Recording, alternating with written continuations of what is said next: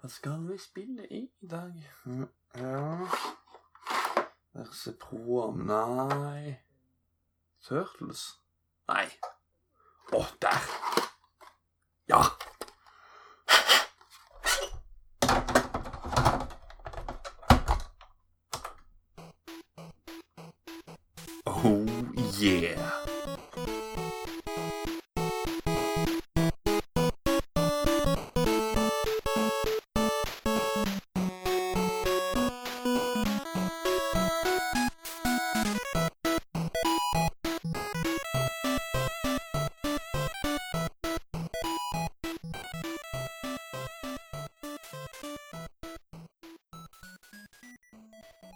Hallais, og velkommen til spill. Mitt navn er Adrian Haugen og skal være programleder for denne episoden. Vi skal snakke om uh, Ducktales-spillene, men ha et hovedfokus på uh, Ducktales til Nintendo Entertainment System. Jeg vil bare først si at Ducktales var faktisk det første lisensierte spillet som de sjøl utvikla, uh, fra Disney, da. Men de hadde hjulpet Hudson med å publisere Mikke Mascapade en gang i tida. Eh, Capcom valgte å sette inn eh, en god del folk som jobba med Megaman-serien før på dette spillet, og jeg kan nevne tre navn. Det er han eh, Fujiwara. Navnet er kanskje kjent for noen av dere, fordi han er også blitt nevnt i Resident Evil 1-episoden. Og så vil jeg nevne han Keiji Inafune. Det er jo han som er faren til Megaman, på en måte. Han som fant opp karakteren, da. Og til slutt så vil jeg også nevne han Yoshiro Sakaguchi, som har lagd den fantastiske Megaman-musikken til både Megaman 1 og Megaman 2. Og det forklarer hvorfor musikken er så jævla bra i, i det her spillet, da. Ducktales det ble lansert 14.9.1989 i Nord-Amerika, noe som er litt spesielt, for nesten samtlige spill på denne tida blir jo lansert i Japan først, også med tanke på Capcom som laga dette spillet. Og i Europa fikk spillet over et år senere, 14.12.1990, og da var det rundt da du ble født, Håkon. Det stemmer for en prikk. Uh, hei, forresten. Hei, hei. Jeg skulle egentlig introdusere litt senere, men det ble nå, da. Ja. yes, yes. Good to be back. Og en liten uh, fact da med Ducktales, at dette er faktisk det mest solgte spillet til Capcom. I hvert fall ut av det jeg har undersøkt, da. Og så til slutt så vil jeg også nevne Ducktales-serien som spillene er basert på som eh, pågikk i to år, da, fra 1987 til 1990, og det ble laga totalt 100 episoder. Så spillet kom ut i Europa etter serien var ferdig. Og siden vi har eh, han, Håkon introdusert seg sjøl, så vil jeg gjerne ta imot episodens gjest, som vi kan kanskje si er spillpodkastens svar på Don Corleone, nemlig vår spillpodkastens gudfar, Jostein Hakestad. Hallo, hallo. det var litt av en intro. Eh, Jeg har, Så vidt jeg vet, så har jeg ikke lagt igjen noen eh, sånne avkappa hestehoder på senga til noen ennå, men eh, Bare noen av avkappa toadhoder. ja, du vet aldri hva som kan skje. Du kan jo bære den tittelen der ganske greit, for det er faktisk den Retro Crew-podkasten. Eh, det var den første podkasten jeg hørte på som faktisk fikk meg inn i eh, gamingpodkast, så eh, Wow. ja. Og det er, jeg, kjenner, jeg kjenner veldig mange andre som er i samme båt.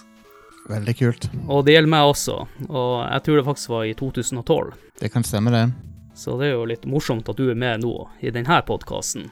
Det, det er bare gøy, det. En uh, Disney-hore, så jeg dukker opp på alt som har med, alt som har med Disney å gjøre. Ja, det er jo perfekt sånn at du er gjest i denne podkasten. ja. Men uh, siden du er Disney-hore, hva er ditt forhold til Ducktales, da? Uh, livslang Carl Barks-fan, uh, som Ducktales er basert på. De, det er jo en slags TV-versjon av Carl Barks sine historier, med, med noen tilpasninger, da.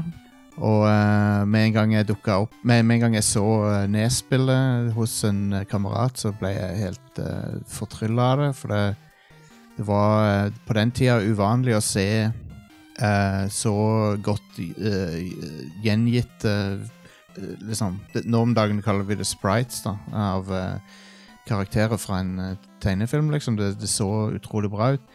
Men ja, jeg er bare superfan av Andeby-universet til Carl Barks. Jeg er superfan av Capcom som, som utvikler og utgiver. Og um, jeg har vært det så lenge jeg kan huske. Jeg har lest Donald uh, liksom, jeg, leser ikke Do- Donald-bladet nå lenger, da, det må jeg innrømme, men uh, det hender jeg plukker opp igjen de gamle historiene. og sånt. Så jeg er bare superfan av Andeby-universet. Superfan av uh, Ducktales TV-serien. Um, og, og, og spillet til Capcom, det originale, da. Det er jo Jeg spiller det minst én gang i året. Så spiller jeg gjennom det bare for å ha gjort det. Men hadde du sett Ducktales eh, før du spilte spillet? Jeg tror det. Jeg tror det, For jeg tror det gikk på Gikk det ikke på sånn Disney-timen? Husker jeg brukte det. Jo, det, altså, det gikk av og på. Um, jeg tror jeg fikk sett litt av det fordi Altså, det, det, gikk, det gikk i ulike kanaler, men jeg, for jeg, jeg lurer på om NRK viste noen, noe av det. For de viste, jeg vet at NRK viste Bompibjørnene. Ja, det var en sånn sjelden gang de gjorde det. Det var av og til Ducktales, av og til Bompebjørnar. Ja. Ja, så, så det var litt sånn uh, Men, men uh, brorparten av, av eh, min Ducktales-titting, da, det var jo sikkert når det gikk på svensk TV. Ja.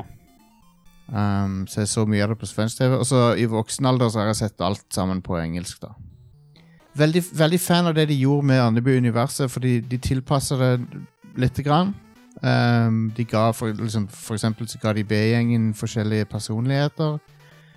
De um, introduserte noen nye karakterer, sånn som Launchpad eller Rotor, da. Og så, så er det jo Jeg vet ikke de Må ikke glemme Gizmo, Gizmoduck, som jeg syns var stilig.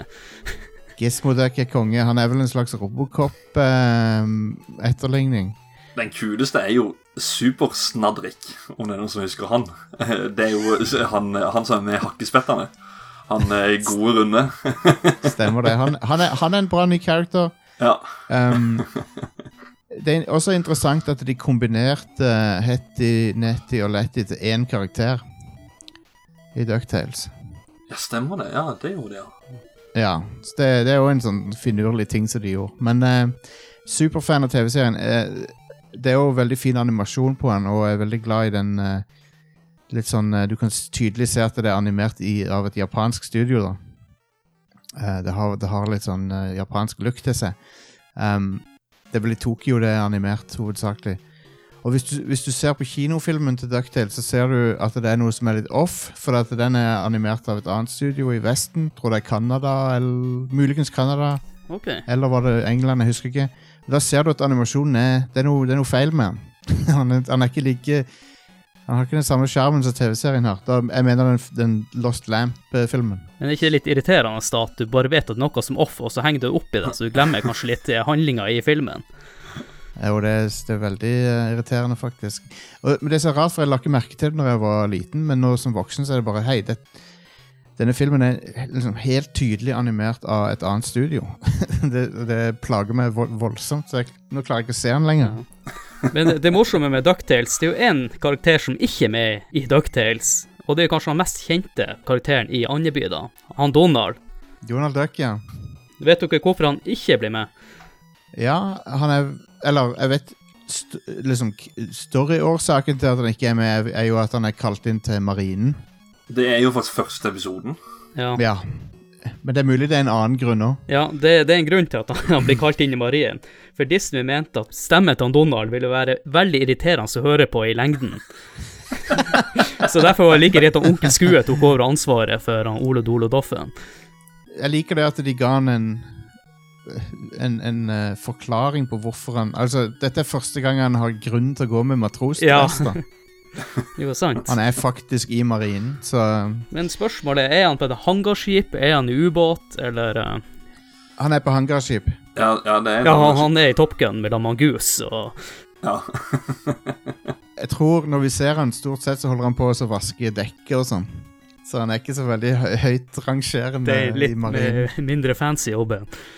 Men det er litt rart, da, for jeg skulle tro at en uh, fyr med sånn uh, En milliardær, eller trillbillionær, eller hva han er, onkel Skrue er Nei, er det ikke fantasillionær han er? Ha, skulle tro han hadde connections til å få nevøen sin litt høyere opp i marinen, men Ty tydeligvis ikke. Eller kanskje han bare ikke er glad i Donald. Det er jo også en årsak. det er jo en god mulighet for det, ja. Men ja, det var meg og, og Ducktales eh, og Andeby-universet. Det- Jeg vil bare si til slutt, eh, eh, når det gjelder Andeby, at det, det er litt sånn rart for, for ehm, Rart å tenke på at eh, Andeby er jo eh, Det er jo en del av Disney sitt univers, men samtidig så er det sitt eget univers. Så det er jo et, luk, det er jo et lukka univers, Andeby. Det, er jo, det henger jo ikke sammen med for eksempel eh, de kortfilmene til Disney eller noe sånt. noe. Det er jo noe Carl Bark skapte. Og så er det vel Jeg, jeg vet ikke, Mickey Mouse og de, har de noen ting med Andeby å gjøre? Er de inne i Det var jo et Mickey Mouse-blad og sånn før, og de Ja. var jo litt cr crossover. Ja. Så Mickey, Det var vel Mickey Pocket òg før i tida. Det er det vel ikke nå lenger. Anyway, vi kan ikke spore så mye av men jeg er bare dere, Som dere skjønner, så er jeg veldig eh, fan av uh, alt som har med Alt som, alt som springer ut fra Carl Bark sin hjerne, er jeg superfan av. Uh, det inkluderer jo selvfølgelig Don Rosa sine ting, da. Enn du, Håkon, du var jo ikke født når spillet kom ut. Og du, og, du henta inn for en grunn. Ja, eh, ja, det var jo som du sa til meg, at eh, du kan ikke du ta og- være med i denne Ducktales-episoden, for vi må jo ha noen som liker Ducktales 2 også. Så jeg bare Ja, det, det er greit, det. Eh, nei, altså, når du skrev eh, 14. desember 1990 Altså, jeg er jo født 19. desember, så det her spillet er jo fem dager eldre enn meg. Eh, Ikke, ja, eller releasen i Europa, da. ja, ja. Eh, men eh, Nei, altså Ducktales har alltid vært en del av, av barndommen. Det spillet har vært, vært blant de vi hadde på nesen. Eller som min, søs, min bror og min søster hadde på, på nes.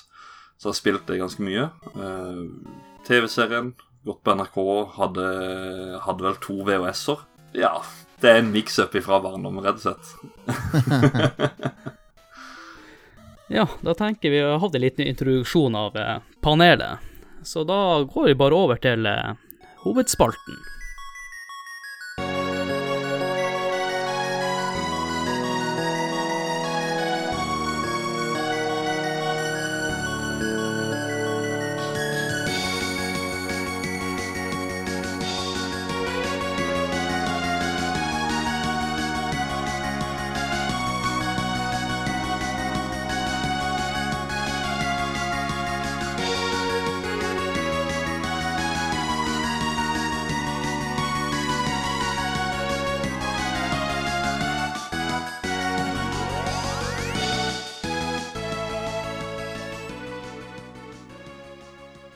Skal vi snakke om eh, Ducktales til eh, NES.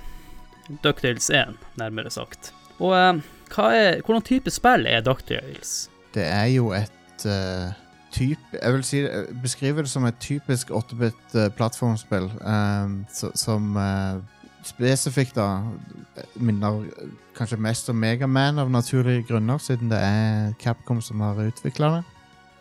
Uh, det har det, det er jo selvfølgelig tilpassa et enklere kontrollsystem med to knapper og sånn, så det er jo ikke, det er ikke det har ikke tatt det spranget som Super Mario World gjorde, så det er jo relativt enkelt plattformspill. Eh, men det er et uh, se, semi-åpent plattformspill der du kan velge rekkefølgen av levelsene, som, som i Megaman. Mm. Um, men så er det òg et bitte lite element av at du kan Det er ikke alle levelsene som er Som er spillbare med en gang. Eksempel Transylvania, så må du først låse opp noe et annet sted før du kan fortsette. og sånn, Så det er sånn en begynnelse av noe slags sånn gating-system som du ser i Metroid-spillene. Men eh, hva er låren da i spillet? For det spillet fokuserer jo på en onkel Skrue. Ja, hva er, det han hva er det han liker? Han liker penger. He liked them dollars. Så, så du, reiser, du reiser verden rundt og, og robber eh, tredje verden for skatter, som er eh, et, Det er jo etisk og moralsk tvilsom eh, ting å gjøre, men han er jo i en konkurranse med Gullbrand Gråsteiner for å bli rikest. Jeg sitter jo og tenker litt her med Ducktales. Når jeg har spilt spillet, så tenker jeg at han Onkel Skrue er jo kanskje fienden her. På sett og vis, ja. Han stjeler jo skatter fra folk. Ja, ja. Han invaderer jo land og Du får jo poengtert det veldig i, i remaken, da, faktisk. Sånn, da er det jo litt mer story, og da er det jo det at han, kommer bare busende inn og skal ta det som han vil ha. It's mine! Ja, han skal eh, lete etter skatter, så får han jo hjelp av eh, noen kompanjonger. Vi har jo nevnt han, eh, Gizmoduck og, og Rotor. Jeg, jeg kan ikke navnene på noen på engelsk, nesten. Så dere får hjelpe meg. Dewey og Louie Ja. uh, Lordodoffen. De er Du kan jo argumentere for, uh, du kan jo argumentere for at B-gjengen er good guysene i Ducktales, egentlig. Ja, Til syvende og sist. ja, ja Men, faktisk. eh, vi, ble jo, vi ble jo presentert Altså, Gulbrand Gråstein ble jo pre presentert som den uh, store skurken, men uh, men han er jo Men sånn egentlig etisk og moralsk sett så er jo Gulbrand Gråstein og skru, Onkel Skrue ganske like likestilt, vil jeg si. Ja, De er jo bare rivaler om hvem som er den rikeste. Det, det er jo ikke noe annet enn det. Så Onkel Skrue velger å stjele fra fem stykker i det spillet her, mens han Gullbrand Ja. Gråstein vil jo bare stjele fra Onkel Skrue. Stemmer det? Så hvem er verst? Nei, det er vanskelig å si. Men du har til, til å være Det er litt interessant, da, for da, til å være et uh, spill der du er i konkurranse med han, så, så er han veldig lite med i spillet. Så han dukker jo bare opp helt uh, som en sånn rival helt på slutten. Men blir han, i, I NES blir han nevnt i starten i hele tatt, eller? Han dukker bare opp. du blir vel ikke nevnt noen ting i story, sånn Nei. generelt. Så han er som en vanlig Final Fantasy-boss. Den virkelige bossen i Final Fantasy, ja. Han er bare helt på slutten. Du tror det Ja, for du tror det er Du tror det er eh, Dracula eller Magica eller Nei, Dracula er det på slutten. Stemmer det? Det er jo en random Det er veldig Ja, random ja, det er det. Men det er to ting vi ikke har nevnt som, er, som gjorde spillet her spesielt. Du nevnte i stad, Jostein, at det var veldig enkel mekanikk, men det var én mekanikk som krever litt skills å mestre. Det er jo Mm. pogo jump, å hoppe med stokken. Og jeg husker jeg slet som bare julingen da jeg var liten med det der hoppet der. Jeg sier det, Hvis du har dette her til nes, og du har en dårlig D-pad, så er du doomed. Hvis den, hvis den er ordentlig myk, sånn at det er, det er litt vondt å trykke ned og frem samtidig, så, Ja. så dør man fort. Ja, da er du, da er du screwed. Eh, eller Scrooged, eller alt sånt.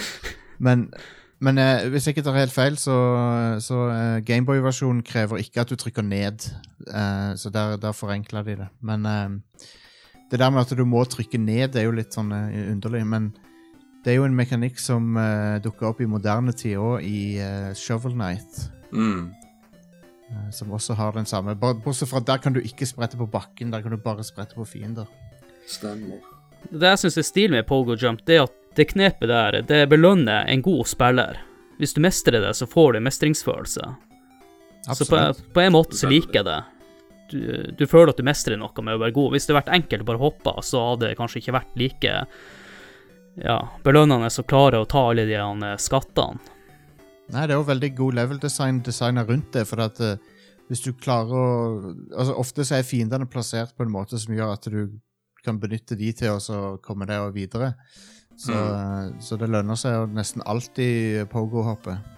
Det er bra du nevner level-design, Jostein, fordi at en annen ting som også var litt spesielt med dette spillet, at det var ikke bare en rett vei til å fullføre spillet. Det er masse hemmeligheter, du må gå opp og ned og tilbake, og mye backtracking og sånn, som ikke var normalt eh, på den tida, vil jeg si, til Nintendo-spillet, i hvert fall.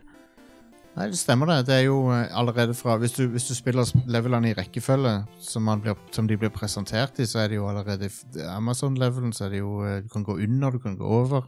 Mm. Veldig, eh, veldig åpent sånn sett, så det er kult. Eh, Når vi snakker om Amazon, jeg tenker vi kan jo snakke litt om de forskjellige brettene. Men det som er litt morsomt, i betaen så hadde de andre navn. Og dere kan jo ha en liten gjettekonkurranse her, dere to, men de er sikkert ganske enkle. Det første banen heter Jungle først. det må være Amazon, da. Og så har du Ghost House, Ja. Transylvania. og så har du Underground, Uh, African Mines. og, og så har du Snow Mountain. Himalayas.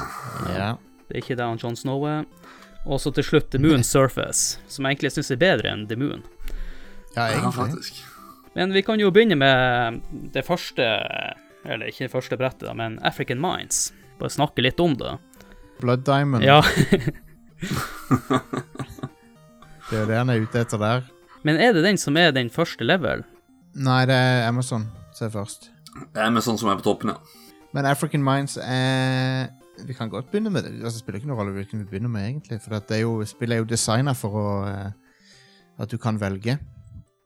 Men det, det eneste med African Minds er jo at for å kunne komme videre, så må du først til Transylvania for å finne nøkkelen til gruvene. Ja, Så det for, første som skjer, er at du blir bedt om å dra tilbake til Transylvania for å finne nøkkelen.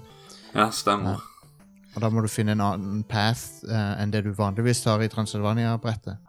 Det var jo også litt revolusjonerende da, at du kommer til et brett og starter det, og hvis det er det første brettet du møter noensinne i det spillet, så er det jo litt merkelig. Du kommer deg ingen vei. Fuck, det var det Ja, ja. første jeg prøvde på. Absolutt. Det er litt spesielt, men uh, Men jeg tror, uh, hvis jeg ikke tar helt feil, så er den uh, African Minds er delvis basert på en episode, tror jeg.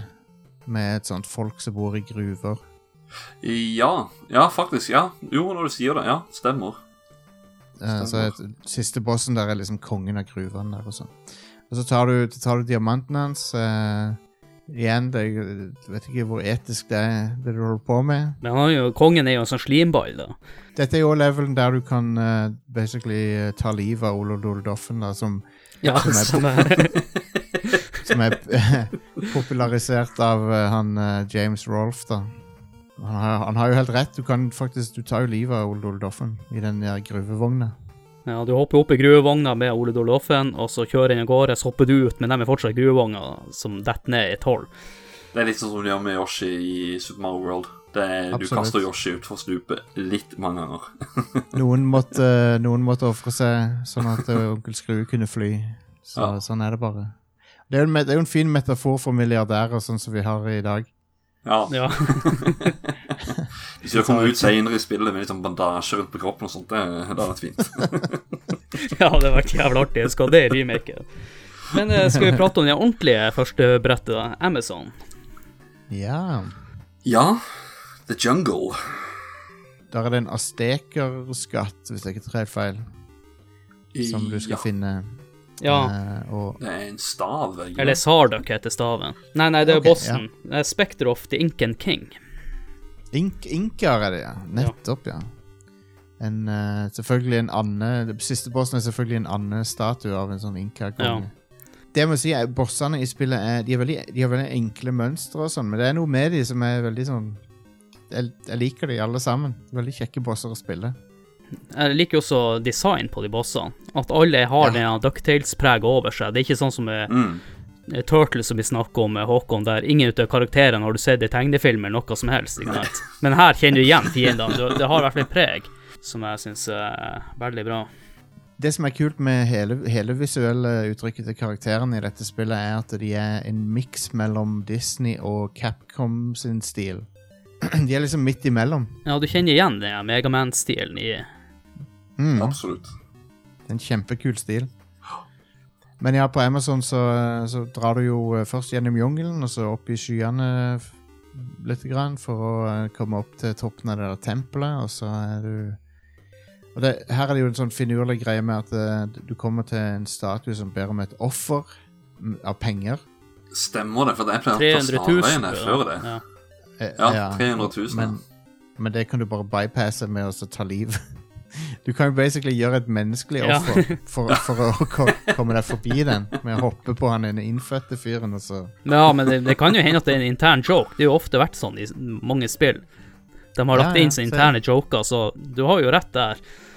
Så indianerne i eh, Sør-Amerika, de eh, Det var jo noen av de som drev med menneskeoffer, så jeg vet ikke om det er det som er kommentar på, men Ja, det er mulig jeg, o- mulig jeg overtenker det litt grann her.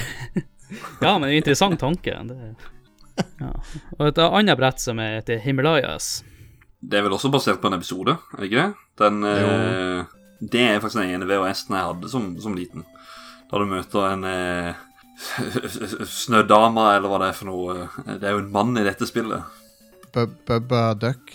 Bubba Duck. han er også der, ja. Jeg tror det er det han heter i spillet, i hvert fall. Men det er en eh, huleboer i is Mm. Som du eh, får ut av isen. Det er jo eh, Dette er kanskje den mest komplekse levelen.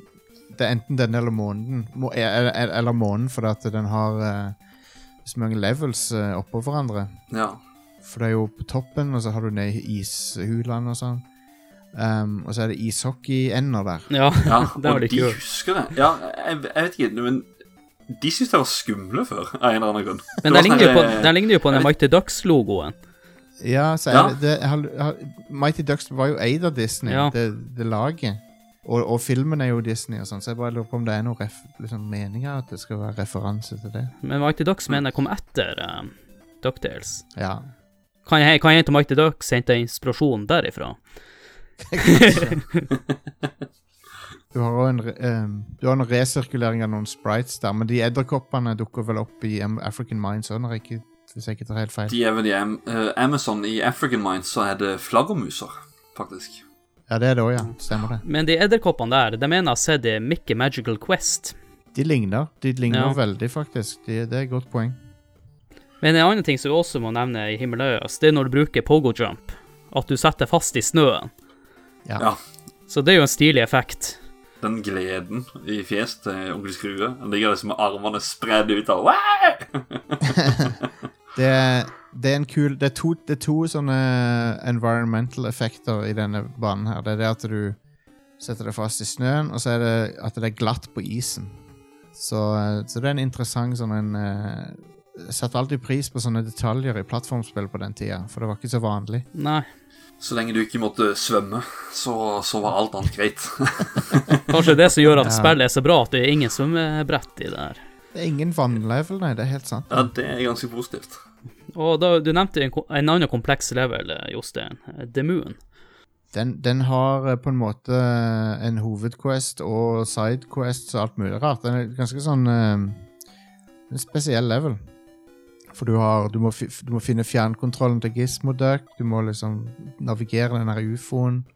Ja, for først, først, først må du hente nøkkelen, og så Ja. kommer du inn til det rommet som du kan eh, hente kontrollen til Gizmo Ja, stemmer. Uh, vi har jo helt glemt å si at på disse levelene så møter du jo Oldoldoffen og, og uh, Rotor og sånn.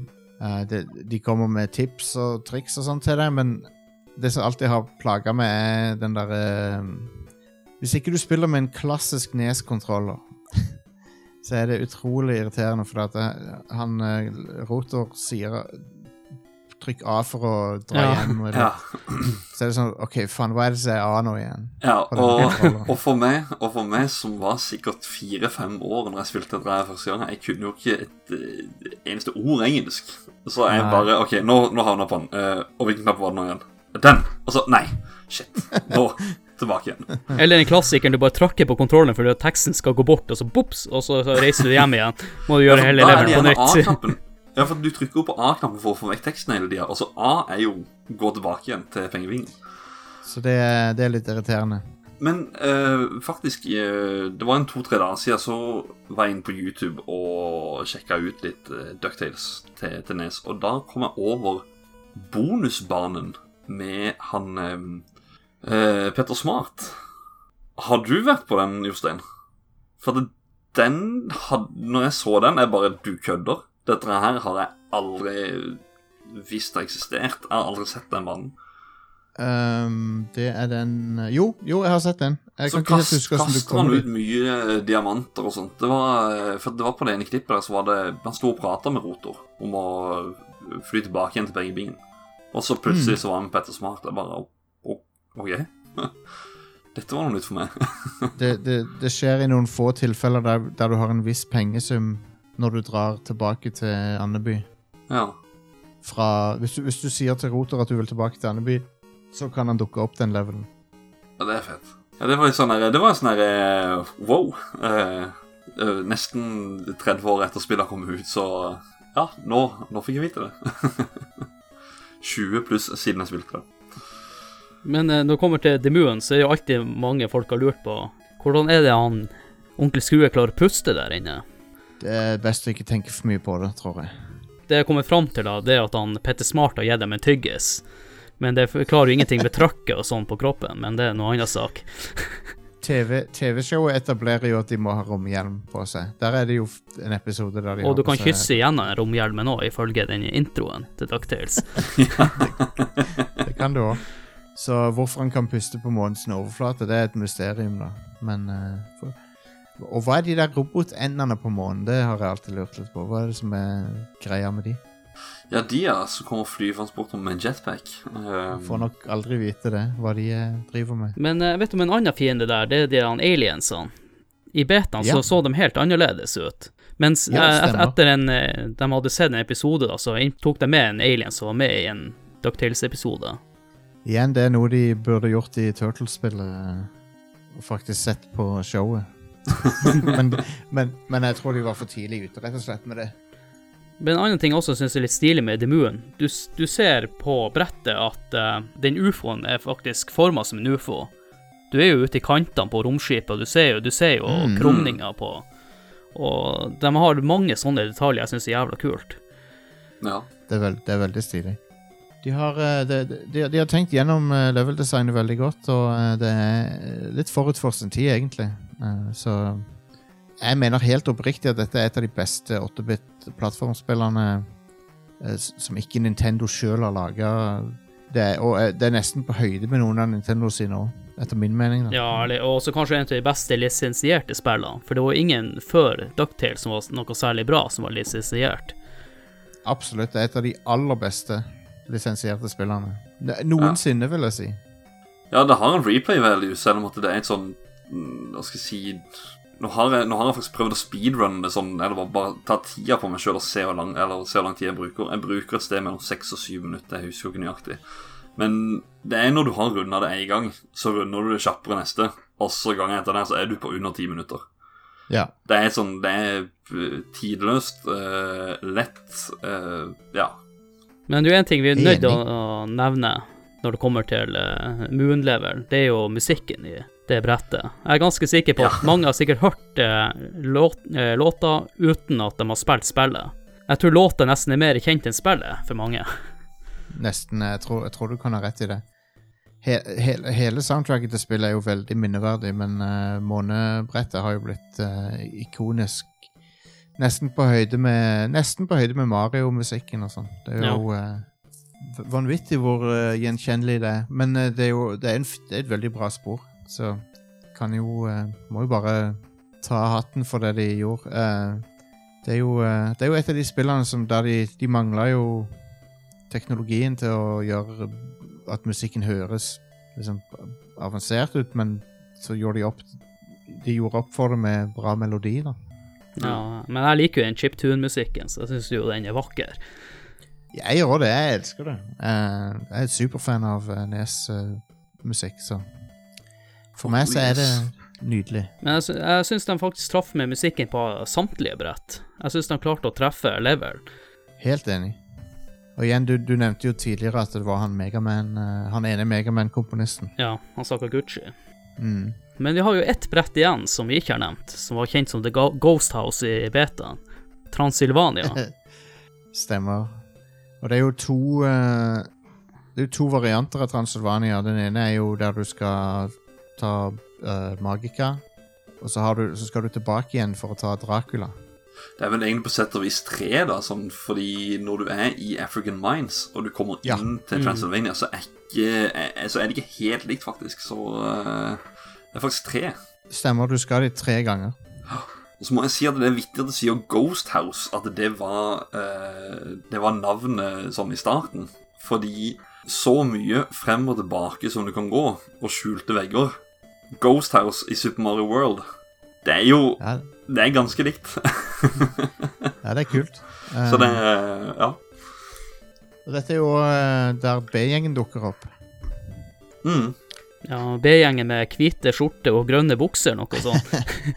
ja, jeg, jeg antar at det har noe med begrensninger på Nintendo-hardwaren å gjøre. Nes-hardwaren å gjøre. At de har feil farger og sånn. Mange poengterer også at han onkel Skua har jo blå jakke i TV-serien, mens han har rød jakke her.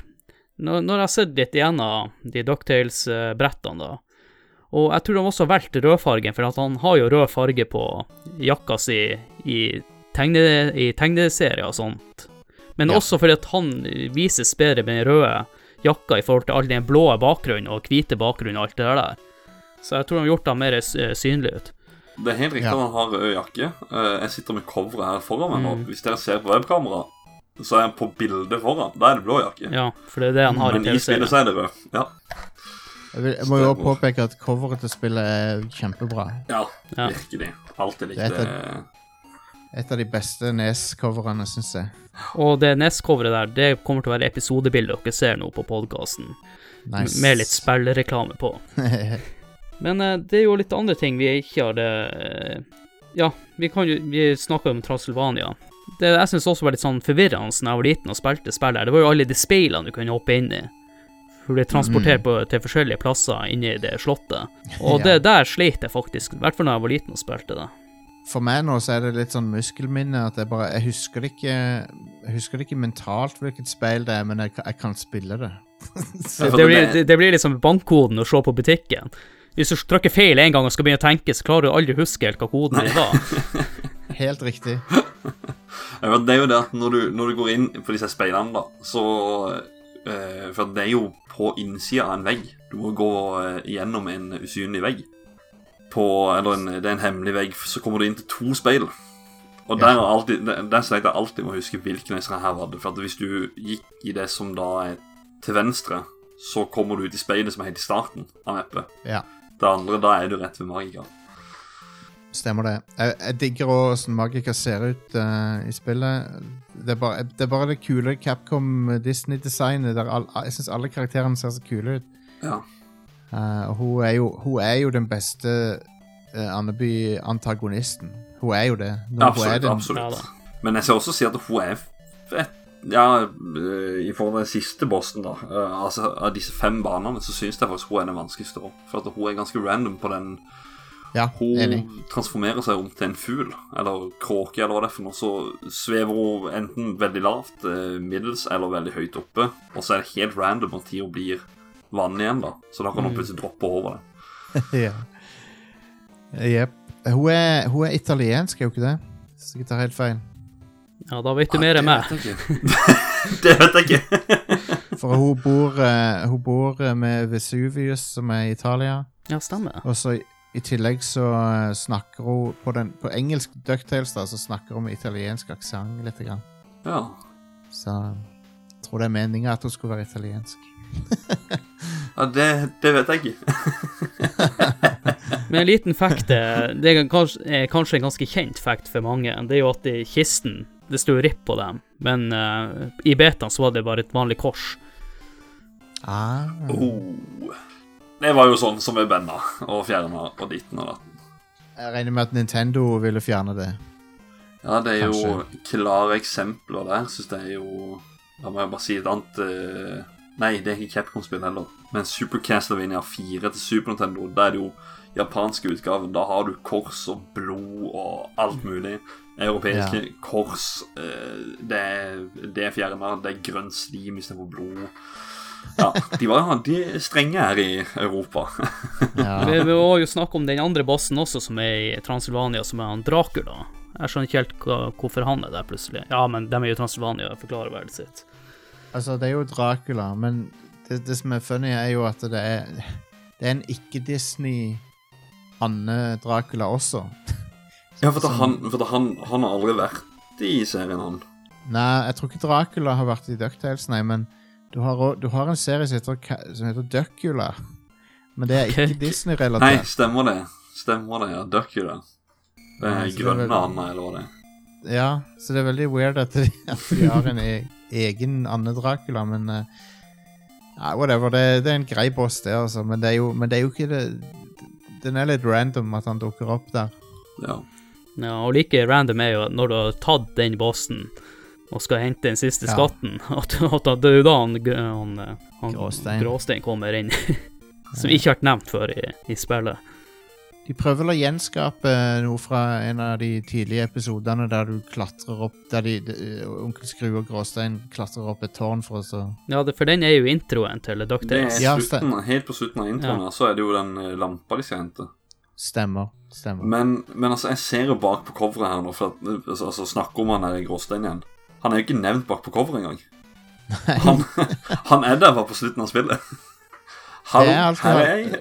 jeg, har, jeg har alltid vært fan av Gråstein. Um, men det jeg lurer på, hvorfor de måtte finne opp en annen milliardær i tillegg. Som var han der eh, Rikerud, eller hva han heter for noe. Ja, hvem var det nå igjen? For det er en sånn eh, tredje milliardær som Eller trilliardær, eller whatever, som, de, som er rivalen til Skrue. Men han, han er bare i de der italienske eh, pocket-seriene. Ja. Så I don't know. jeg foretrekker Gråstein. Det, det som er bra med Gulbrand Gråstein, er at de er, de er begge fra Skottland, så de er, de er perfekte rivaler. Bless me bagpipes.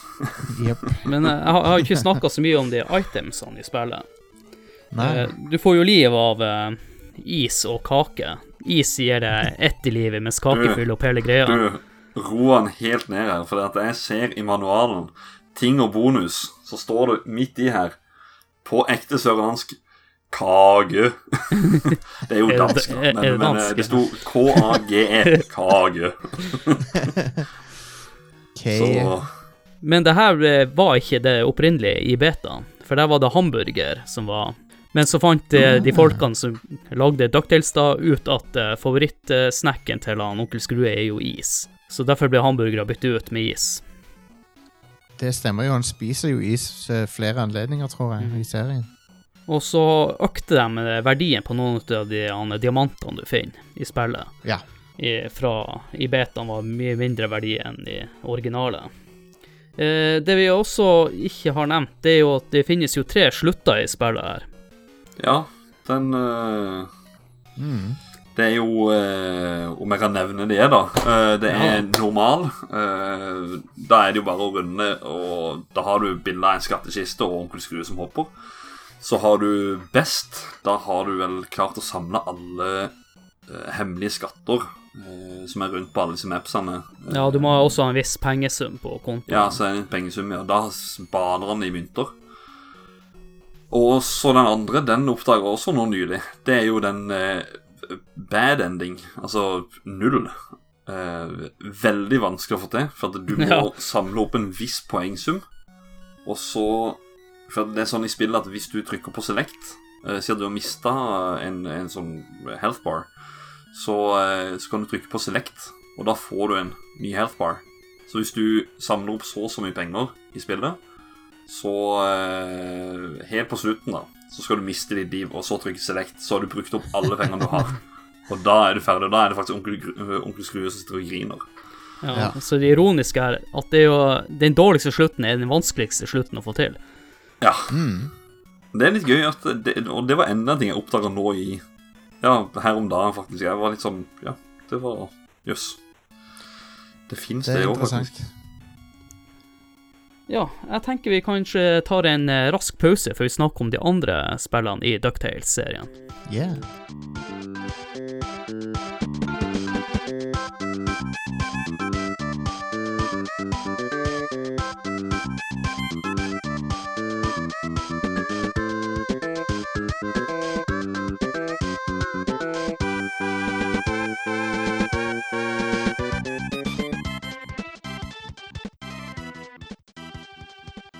Da har vi snakka litt om uh, Ducktales 1 til NES, men vi, vi må jo også kanskje snakke litt om uh, remaken som kom i 2013, var det det? Ja, det kan stemme. Jeg Vet ikke, hva, hva syns dere om den? Det jeg synes Jeg synes selve karakterene er, er fint designa. Men jeg skulle ønske at eh, alt det andre rundt, ikke bare karakterer, men verden og sånn, var også sånn tegneserieaktig. At, at det var tegna. At Ja. det så ut som du spilte i en Ducktails-episode. For jeg synes ikke han, eh, de 3D-elementene passer inn med den stilen de har valgt for karakterene. Jeg er enig i det. Absolutt. Og så synes eh, dialogene er kanskje litt for lange i det spillet. Kanskje bare holdt med tekst. De er lange og unødvendige. Eh, jeg føler de har eh, Jeg skjønner de har prøvd å liksom gjøre noe ekstra ut av det, men det er ikke nødvendig. det er sånn Hvis Nintendo skulle gi ut Super Mario World på nytt, så legger de til masse dialog, liksom. Mm. Why? ikke noe behov for det. Nei, du spiller Nei. jo ikke akkurat de spillene for storyen sin del. Det er jo, uh, Ducktales er jo basert på et kjempebra gameplay. Mm. Det er jo ikke Det er et RPG du spiller. Så uh, det, det du kanskje tjener bitte litt på Eller det er bare et annerledes Det er bare en annen versjon som ikke er like bra, føler jeg. så så han, han, han taper mer enn han tilfører. For min del, da. Det jeg savna veldig, det var jo der, eh, det som du fikk i Wonderboy. Uh, at du bare ved, ved trykk på en knapp, så er det tilbake til 8-bit. At du kan bytte Ja, mellom dette enig. her, da. Så eh, hadde det vært en mulighet, så hadde jeg satt veldig mye mer pris på det. Og da tror jeg kanskje Det er litt den grafikken jeg liker, og da er det eh, Da tror jeg kanskje de der ekstra missionsene som er med i spillet, at det, det hadde kanskje ikke gjort noe, for den grafikken er såpass sjarmerende at eh, Ja. På, eh, på tidspunktet når de lagde det, så var ikke det mulig rettighetsmessig å gjøre. Nei. Eh, jeg spurte noen i Capcom i 2013 om det der. Å ja. Og det var, eh, det var et issue der som gjør at de, de kunne ikke bruke noe av Nes-spillet. Nei, ok. Eh, så eh, en som heter Chris Antista, som jobba i Capcom på den tida, Mhm. og han eh, forklarte det at nei, det, det er Nes... Og da, han sa den gangen da at Nes-spillet er Nes-spillet, og det kommer alltid til å være en egen ting. Men det kommer sannsynligvis aldri til å bli utgitt igjen, og sånn, men det stemmer jo ikke, da, for nå har de jo gitt ut igjen på eh, Så de har tydeligvis funnet en løsning på det, da. Ja. Siden, siden det er på PS4 og PC og alt mulig nå. Jeg, jeg liker ikke helt den dubstep-musikken lagt inn der. Nei, igjen, igjen. Jeg hadde hatt lyst til å ha en Jeg kunne kanskje hatt en litt sprita opp uh, chiptune-aktig eh, versjon av låtene og originalene. At du hadde hatt mulighet til å kunne velge mellom de og savna, savna det. Er det ikke han Bionic Commando-duden som har gjort uh, musikken her? Jeg det. Nei, jeg er litt usikker på jeg det. har ikke peiling, jeg. Jeg Han eh, på- Commando-duden, han er jo norsk. Mens han her er en annen dude, tror jeg. Ok, ok, ok. Men uh, det var, jeg syns det er ok, men det er litt sånn Jeg, Men eh, klarer Jeg klarer ikke å bli entusiastisk for dette spillet, egentlig. Det, det, det er bare en underlegen opplevelse. Jeg vil jeg bare går, jeg, originalen går jeg tilbake til hvert år. Jeg kommer aldri til å gå tilbake til dette igjen. jeg liker at du nevner Bionic Commando for uh, rearm-musikken, for den synes han har truffet perfekt. Der har du Ja, en remake eh, som er skikkelig gjort. Ja, enig. Den, eh, den er fantastisk. Det er jo en remake som er bedre enn originalen. Ja, Så- bedre enn originalen. eh. Nei, det er, det er en av de beste remakene jeg har spilt opp gjennom årene. Ja, Det, enig. det er så gjennomført. Og de har, de har lagt til tekst, men ikke dialog. Så det er også en pluss. Det er jo eh, de gode gamle folkene i Grin som Rest in peace til de. De lagde mange kule spill, syns jeg. Så Men de Nei, er det han, han Onkel Skrue, stemmen? Eh, er ikke det han som er originalt ifra jo. Ja. Det hadde vært så fett om de hadde hatt en norsk utgivelse, og så hadde de hatt Harald, Harald Mæhle. Mæhle, ja. ja. Det hadde vært konge. Det er jo han jeg forbinder med Onkel Skrue, det er ikke en engelsk. Alan Young heter han, og han spilte òg en, en annen kjent rolle som var hest, en hest i Mr. Ed. Serien Mr. Ed spilte han en hest. Men uansett, han, han er jo mest kjent som Onkel Skrue. Han, han var Onkel Skrue i mange, mange tiår. Uh, han døde i fjor, vel? Det, det aner jeg ikke, faktisk. I fjor eller forfjor. Og så har de erstatta han med han David Tennant, som er en tidligere Doctor Who-skuespiller. Men eh, Men ja, og de, de hadde til og med originale Magica i, eh, i, i remaken, som eh, Hun var i 90-årene når hun gjorde det. Å, herregud. ja. Så det er kult. Men eh, jeg må jo si at de norske stemmene stort sett er veldig bra. Eneste jeg er ikke sånn superfan av hun Mari Maurstad. Oh, ja. Eh, litt masete, maset stemme, men samtidig så er det litt vanskelig å gjøre Ole Oldoffen ikke masete, da. Ja. Ikke. Det er vel meninga at jeg skal være litt masete òg, tror jeg. Ja, det er jo det. det, er vel det. Men eh, jeg må si Harald Meilers onkel Skrue, er, det er spot on, altså. Ja, det er absolutt. Men vi glemte jo å nevne en siste ting med remaken. De hadde jo innført en eh, til level som var mye vanskeligere enn de Ja. andre brettene, som ikke passa helt inn der. Stemmer. Det på slutten, det. Ja. ja, det var, det var sånn whatever. Det, det er bare Det er forglemmelig. Det, det, det var vanskelig. Jeg kan huske at det var vanskelig, men jeg, liksom, jeg har ikke noe Det er ikke noe som noen husker. Det er ikke vits å Nei, det, det, du- du forklarer veldig godt. Men det jeg også husker, og det var litt mer som vi snakket om med, med Pogo Jump. For der hadde du easy pogo jump eller normal. At du kunne gå inn Ja. på pausemenyen, så kunne du slå Hvis du slo på easy, så var det bare hoppe og holde inne B. Eh, så at på normal så var det hoppe og holde ned og B. Stress. Ja, men Ja, nei, OK. Det er ikke noe mer enn det. Har vi snakka nok om eh, remaken, kanskje? Ja. Ja, jeg tror det. Ja. Tror det. Men eh, jeg nevnte jo i starten av podkasten, vi skulle også snakke om andre spill i Ducktails-serien. Og Håkon, du henta inn for å snakke litt Vi kan gå litt raskt innom eh, Ducktails 2, da, som kom ut i 93. Ja, Ganske seint Sent. i Nintendo sin levealder, og da var du faktisk født når det kom ut. yes. Det var tre år. Jeg runda det på day one. Det var Sto og venta utenfor butikken, vet du. Nei, um, nei det, faktisk det oppdaga jeg ikke før uh, emulator. Uh, sikkert ungdomstida. Uh, men det er faktisk spill jeg syns Ducktails 1 har sin sjarm, og, er- og er liksom, det er blant mine topp ti NES-spill of all times. Men dette her har bare henta alt det som er i det spillet, og så har de bygd videre på det. De har en sånn eh, Det er en form for Metroidvania i det òg, fordi eh, midt i mapsene så får du gjerne en eh, eh, Si eh, med stokken. Du kan jo slå med stokken. Hvis du står inntil en item, så kan du slå. Ja, det Så- kan jo gjøre nå. etter, Ja. Men, etter, men eh, Ja, stemmer det. Det kan du, gjøre. men, der, men altså, her bruker du eh, stokken da til alt mulig. Du Her drar du tak i ting. eh, til å avfyre kanoner, og du får han oppgradert sånn at du kan slå At han blir om som en hammer. At, han, at du kan slå hardere ting, da. Eller typ jernklosser og sånt. da Så når du får den, og du har klart banen, så må du inn på banen igjen for å ta de tingene som er i begynnelsen her.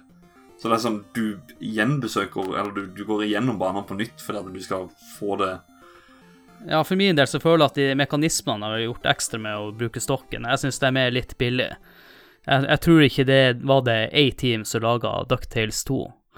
Det var neppe det A-Team, fordi de jobba på Snes på den tida. Ja. Ja. Um, så jeg føler jo Spillet er ikke Jeg, jeg har ingenting imot Ducktales 2, uh, egentlig, men Det er jo ikke et dårlig spill, men i forhold til ena så er det jo noen knepp ned. Ja, etter min mening så er det det, men jeg, skjønner, jeg skjønner godt selvfølgelig når man, når man spilte det som ung, og, eh, og det var noe av det første du spilte, så er det jo alltid en spesiell ting. Eh, så det er jo lett å forstå, sånn sett.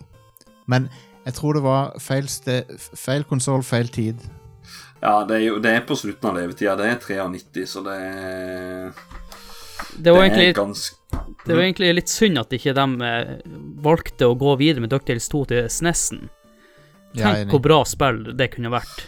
Det har vært Der Ducktails nydelig. 2 det, er- det er nummer 182 ut av noe 230 spill som kom ut på Nes, så det kom veldig seint. Nå ser jeg faktisk i, i Nintendo-magasinet ehm, Jeg må bare ta redaksjonens vurdering nummer én. Da Ducktales kom for tre år siden, lot vi oss forbløffe eh, over hvor god grafikken og spillideen var. Del to er kanskje ingen revolusjon på disse områdene, men et godt spill er det uansett. Uh, visst ligner spillet på eneren, men det gjør ikke så mye siden man har eh, lagt til flere nye nøtter å knekke. I Egypt eh, kan du f.eks.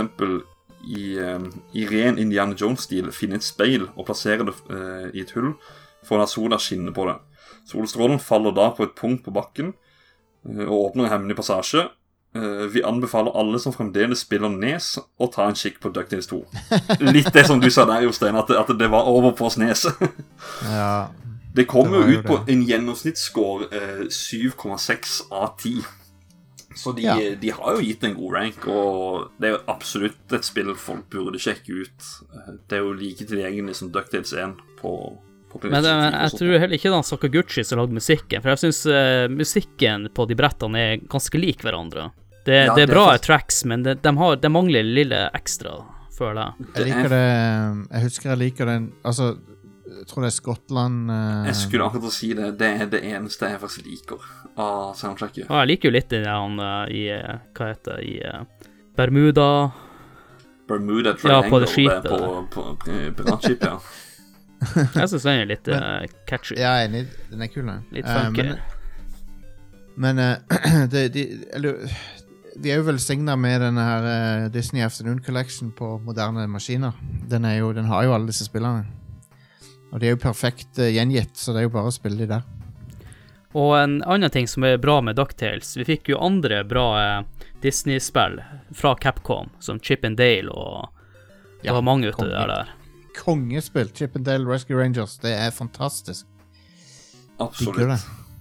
Igjen også et sånt spill som Har du runda de en eller to ganger, så runder du de fort. Men de er fortsatt like bra. Ja, de er konge. Og det er en annen Men ting som, som jeg implementerte til Ducktales 2, bare for å nevne det, det var at du kunne kjøpe items og sånne ting for å hjelpe deg. Mm.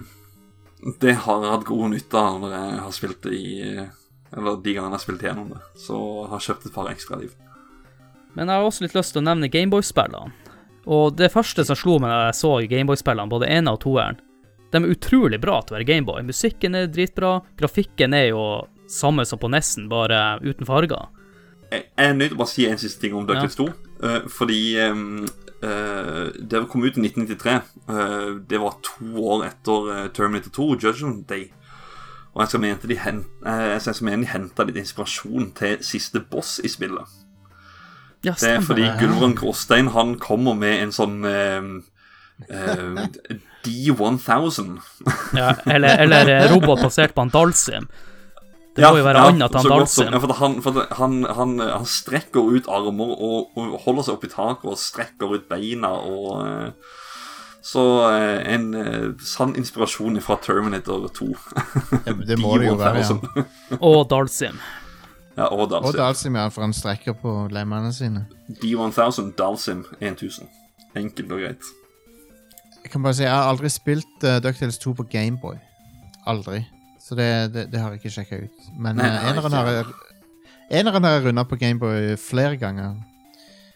Du nevnte det med musikken, og, og uh, du, kan- du kan jo nesten argumentere for at, at musikken er bedre på Gameboy, til og med. For uh, den synthesizeren for, for mange, av og til meg òg, så er den liksom, den er mer uh, behagelig for øret. Mm. Um, det er jo en grunn til at Gameboy brukes den dag i dag av DJs og, og sånn. Ja. Til, å, til å lage synt-musikk. Så jeg, jeg digger sounden på, på Ducktails på Gameboy, og som, uh, som Adrian her sier, så er det det er, en, det er en litt tweaka versjon av spillet, men det er, jeg vil si du får bortimot den fulle opplevelsen. Ja, for Jeg fant faktisk dette her på bruktsjappe oppe i Oslo for mange mange, mange år siden. Og jeg tenkte ja, Ducktails altså, Ja, det er jo Jeg liker det best på NES, men må sjekke det ut i Gameboy, da. Og jeg var overraska over hvor likt det faktisk er. Eh, Ja, det er det. Det er ganske mye like sprites og Men det er jo bare det at bildet er mindre, så du Ja, du ser nødvendigvis ikke fiendene. Nå har jeg sett litt på DuckTales 2 til Gameboy, og en ting jeg begynner å tenke med en gang Jeg føler at uh, DuckTales 2 til NES De er lagd uh, for å være på Gameboy. For du har like mange fiender på skjermen samtidig. For på Gameboy Ja. kunne du ha eh, mindre fiender på skjermen samtidig. Ja. Men på nesten på DuckTales 2 der, så har du eh, Det er nesten ikke fiender der til å være et NES-spill. Nei, når du sier Ja, stemmer det faktisk. Ja. Det kommer en her og en der, og så kanskje to der. Og. Ja. Men der er jo også DuckTales 1, i hvert fall her i Europa. Det sliter veldig med slowdown, og mye skjer på skjermen. I hvert fall på en original NES. Jeg vet ikke åssen det er på emulator og sånne ting, da, men uh, Altså, det på den Disney Collection så er jo all slowdown repli replikert sånn nøyaktig som det er på Nes, omtrent. Ja, ok, ja. ja for det, er- det er grei slowdown uh, på veldig mange av de banene. Men eh, det er litt av sjarmen nå, da. Jeg, jeg syns det. Er, jeg vil ikke at de skal fikse det. Nei. det eller, I så fall gi meg option. Ja, eventuelt. Og eh, det er ikke noe sånn Det er ikke krise sånn i den grunn. Eh, Det er veldig ofte så hjelper det deg bare. Syns nå jeg, da. Men det er jo positivt generelt sett i nye remake at eh, mange gir det muligheten til å ha de der abilitiesene, eller ha den gamle musikken osv. Mm. Men uh, føler dere at vi har snakka noe om eh, DuckTales? Ja, Det eneste jeg vil ta opp så vidt, er den her eh, PC-spillet som er et helt annet Eller Ja, PC Amiga-spillet. Det var gøy. Det har jeg faktisk ikke jeg spilt. det, har sine, det har sine finurligheter. Det er, ikke, det er ikke et bra spill nå om dagen, men det var appellerende å se liksom eh, figurene i stort format. For det er jo veldig bra grafikk på det til å være den tida det kom ut. Mm. Um, Mm. men basically så er det jo et mini, en minispill-collection. Ja, det er det. Der du, uh, du skal tjene penger på ulike metoder. Da. Fjellklatring er den ene, du tar bilder av ting er en, en annen. Ja, så, så det er ikke samme spillet, sånn sett? Ja, nei, det er et helt annet spill. Ja. Det er US Gold som har laga det. Ja, de er jo berømt. Good old US Gold. ja. ja, Ja, men det det var ja. Ja, jo, jo, nei, hva skulle du si? Det er et helt annet spill. Det, det, det har ingen likhet. Nei, jeg, men det må jeg faktisk si, det tror jeg spilte nesten like mye som dette Nes. Uh, han er en på gata som hadde dette her på, eh, på Windows 95. Ja, ja, ja. Det vil si at hvis du skal spille det i dag, hvis du skal sjekke det ut i det hele tatt, så vil jeg sjekke det ut på Amiga. Mm. Og grunnen til det er at du får bedre lyd. For Amigaen har bedre lyd enn eh, det PC-er kunne gjøre på den tida. Ja, så krysser jeg fingrene for det der, hu, der det spillet når du skal klatre opp på hulene, at det er bedre der. Fordi når du, går, når du skal gå rundt, så Den er grei. Og så når du skal Ja. kaste, så er det, det animasjonene. Det var sånn plutselig så Å ja, nå var, du, nå var du oppe der, og oi, nå var du plutselig nede der. Og så det, Av og til så går det for fort. Og så av og til så er det litt slow, og ja. Hvis, hvis du, det er klart hvis du ikke har en Amiga tilgjengelig, så er, Dere er sikkert ganske hardcore på å ikke emulere og sånne ting, men jeg, jeg, jeg, har ikke plass til så mye hardware. Jeg har ikke en Amiga, i hvert fall, så det hender jeg emulerer Amiga-spill. Jeg har Og, en i eh, kjelleren her, men jeg kan eh, nøye meg greit med en emulator òg. Vi oppfordrer ikke til det, men dere gjør det på eget ansvar. Den der Win, eh, Win UAE, den er en bra Amiga-emulator som kan kjøre det meste. Ja. Men eh, dette er ikke et bra spill, men, det, men jeg, har, jeg har jo litt uh, varme følelser for det uansett, for jeg spilte det jo en del. Jeg spilte det jo på PC, da, men uh, i ettertid så har jeg sjekka det ut på Amiga, og som jeg gjetta, så er det mye bedre. Jeg tror jeg må sjekke det ut etter uh, opptaket er ferdig. Mm. Der, der kan du for øvrig Jeg tror du kan bade i pengebingen der. Og, uh, og det er en, Det det er en stemmer, idé Og det er en idé som de i remaken av Capcom-spillet tok med der. Apropos bade i pengebinge. Jeg tenker sånn i realiteten. Du hopper fra ti meter rett ned i en haug med nikkel og Og kobber og drit. Du blir jo knekk i nakken. Det er jo det første du gjør.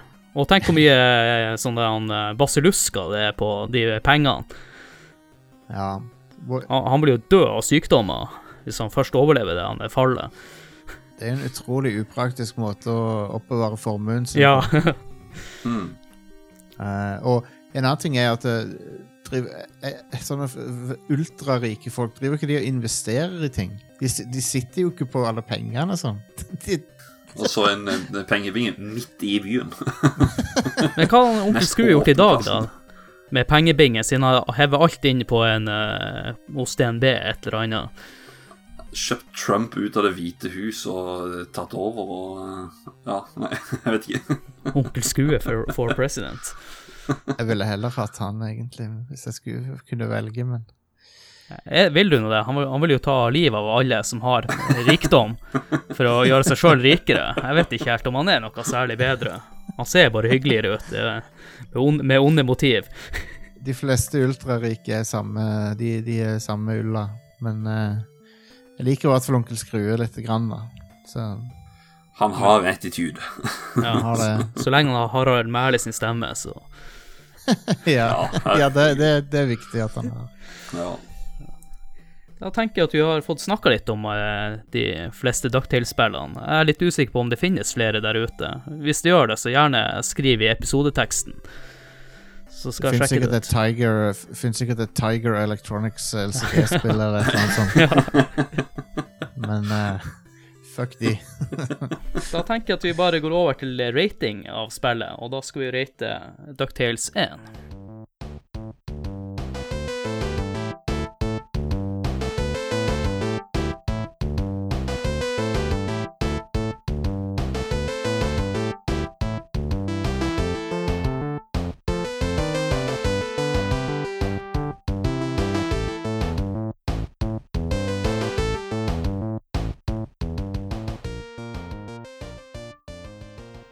Skal vi rate Ducktales 1. Og eh, måten vi gjør det på Vi bruker karakterskalaen i Nintendo-magasinet til Håkon som kriterier. Og vi bedømmer spill etter de her fem punktene. Det er grafikk, det er lyd, det er spillkontroll, underholdning og til slutt holdbarhet. Og skalaen bruker fra 1 til 10. Og vi kan jo begynne med deg, Håkon, først. Hva du vil gi grafikk? Grafikk eh, ja, Det er jo eh, Perfekte sprites. Det er Ja, det er nydelig, nydelig design. Jeg er ti. Jeg gir ti. Enn du, Jostein? Ja, det blir en tier. Det er etter, etter eh, Med alt tatt i betraktning, hardwaren, tida det kom ut, eh, stilen eh, Hvordan det, det har personlighet Det har mye personlighet eh, gjennom både at det er Disney-karakterer du elsker, og, som er rendra på en kjempebra måte, pluss at det har den Capcom-feelingen, så er det, det er ikke tvil om at det er en tier. Det var derfor jeg nølte litt, for jeg lurer på er det kanskje en nier. Men jeg, jeg finner nok et punkt hvor jeg kan gå ned til ni. Ja, men uh, i denne podkasten så er jeg ikke så kritisk. Som sagt, jeg og Christer vi ga Link to the Past 100 av 100. Vi, vi fanboyer skikkelig, så det er lov til å fanboye her òg. Men da går, ja. jo, da går vi over til lyd, Håkon. Ja, skal vi ikke ha rating av det? Jo, jeg sier jo det. Lyd. Å ja. Jo. Ja, nei, jeg tror du skulle rate uh, Nei, det, Nei, det er det som er greia med å være programleder. Jeg slipper å få tyn for mine karakterer, så ja, stemmer det. Stemmer. Um, uh, lyd eh, Ni av ti.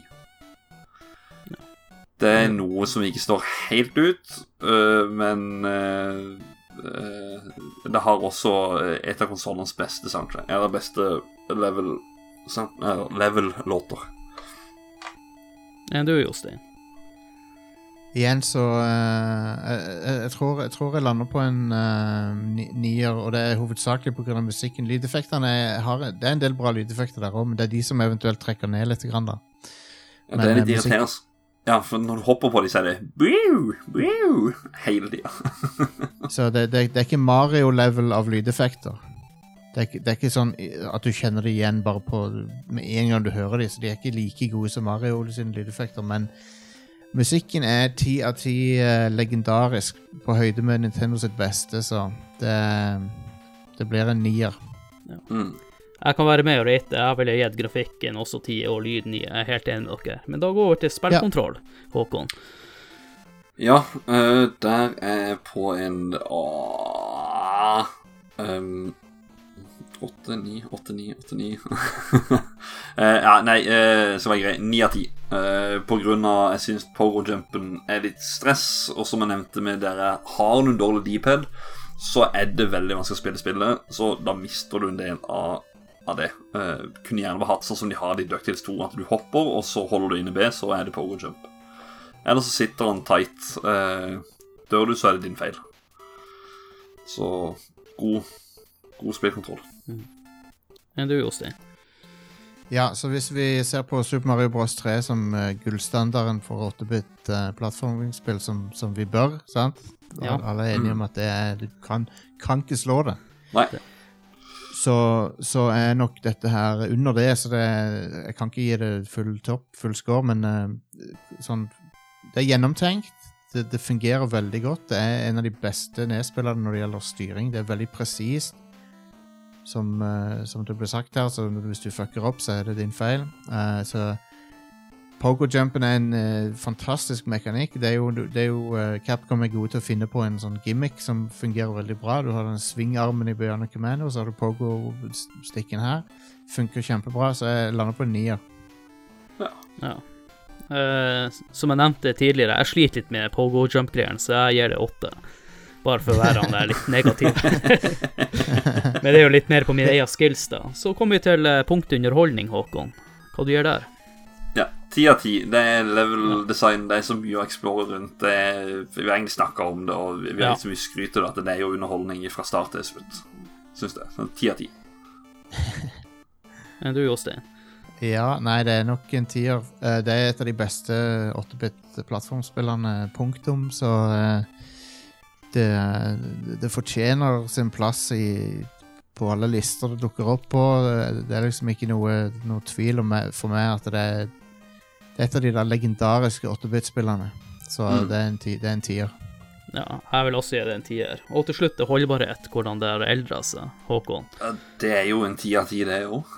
Jeg syns det har holdt seg kjempebra, og uh, uh, Ja, som nevnt, altså, det er den altså, Alt det som er nevnt over her, det, alt det sitter fortsatt frem til den dag i dag, og er eh, Er det ett spill jeg Ja. ja. Og så den bit-grafikken blir litt sånn udødelig i tillegg, som uh, hjelper på, Ja. da. Mm.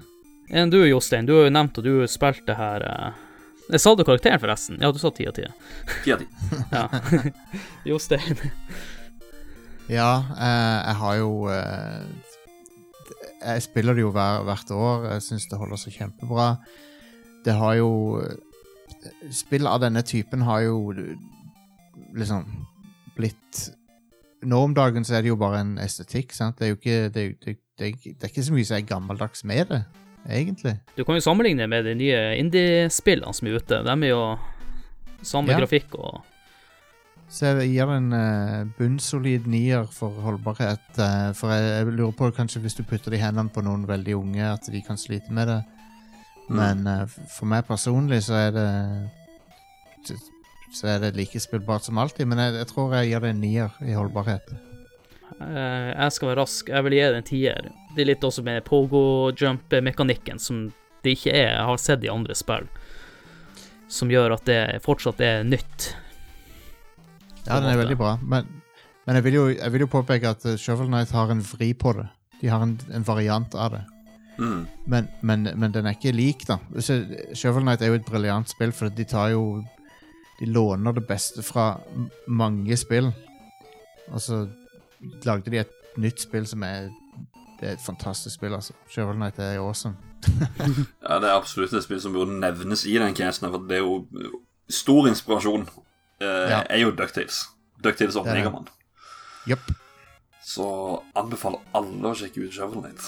Ja, det er, så, det er så bra, det. Det er sykt bra. Det er, Mm. sånn, du, du, det er sånn du lager et moderne retrospill. Absolutt. Done right. Ikke som yep. Ducktales-remaken, som vi har slakta litt. Nei. Absolutt. Det er natt og dag. Eh, Håkon, for første gang i spill så har vi jo spurt lytterne om eh, innspill. Det har vi. Nå holdt jeg nesten på å glemme det. du ehm, eh, Da kan vi begynne med Trond Sinfor Borgersen. Han skriver at han eh, Han har ikke runda noen av de. Eh, men Dale det rundes fortsatt på ca. 15-20 minutter. Uh, igjen det vi snakker om med tid, at det går fort å runde dem. Uh, men eh, ja, han har ikke runda noen òg. Så jeg mener mene at han har sagt det før, at han, er, han har prøvd de og syns at de er bra. Da var det Ivar Goldenboy Lobben. Han har minner fra Ducktails 1. Eh, det det gikk det mye i når jeg var yngre, men har ikke testa nummer to. Det er vel ikke så mange som har testa nummer to, egentlig, men det har vi Nei, den er, Nei. Nei. Det er en obskur Det er, det er, det er en obskur tittel. Mm. Uh, og så er det sistemann, Karsten Solheim. Han, eh, favoritten er nok nummer én. Gode minner fra når, eh, fra når man var hoppet rundt i Moonbanen uh, for å høre Moontheme. Yeah. Oh yeah. Uh, jeg tror jeg har rundet nummer én tre til fire ganger i jakten på en speedrun record, men var nok ikke god nok. Eh, ja, det, og da kan jeg faktisk si at det er vel en svenske, tror jeg. Så det er en, skan, en, en kar fra Skandinavia som har førsteplassen her på speedrun i Ducktails. Det var de tre. Yes, Det det var var, jo artig å høre. Da vil jeg egentlig bare eh, oppfordre folk til å like spillet på eh, Nei, Facebook-sida til spill, og oppfordre deg også, Jostein, til å like spill på Facebook. Nå skal jeg gjøre det mens vi tar opp. Skal vi se. Sånn, da har jeg likt den. Det du kan få med å eh, følge spill på Facebook, det er å sende inn, sånn som nå i denne episoden. Komme med dine minner hvis du spør om det, eller spørsmål. Og jeg blir å legge ut eh, teasere av og til for hva som vil være neste episode, da.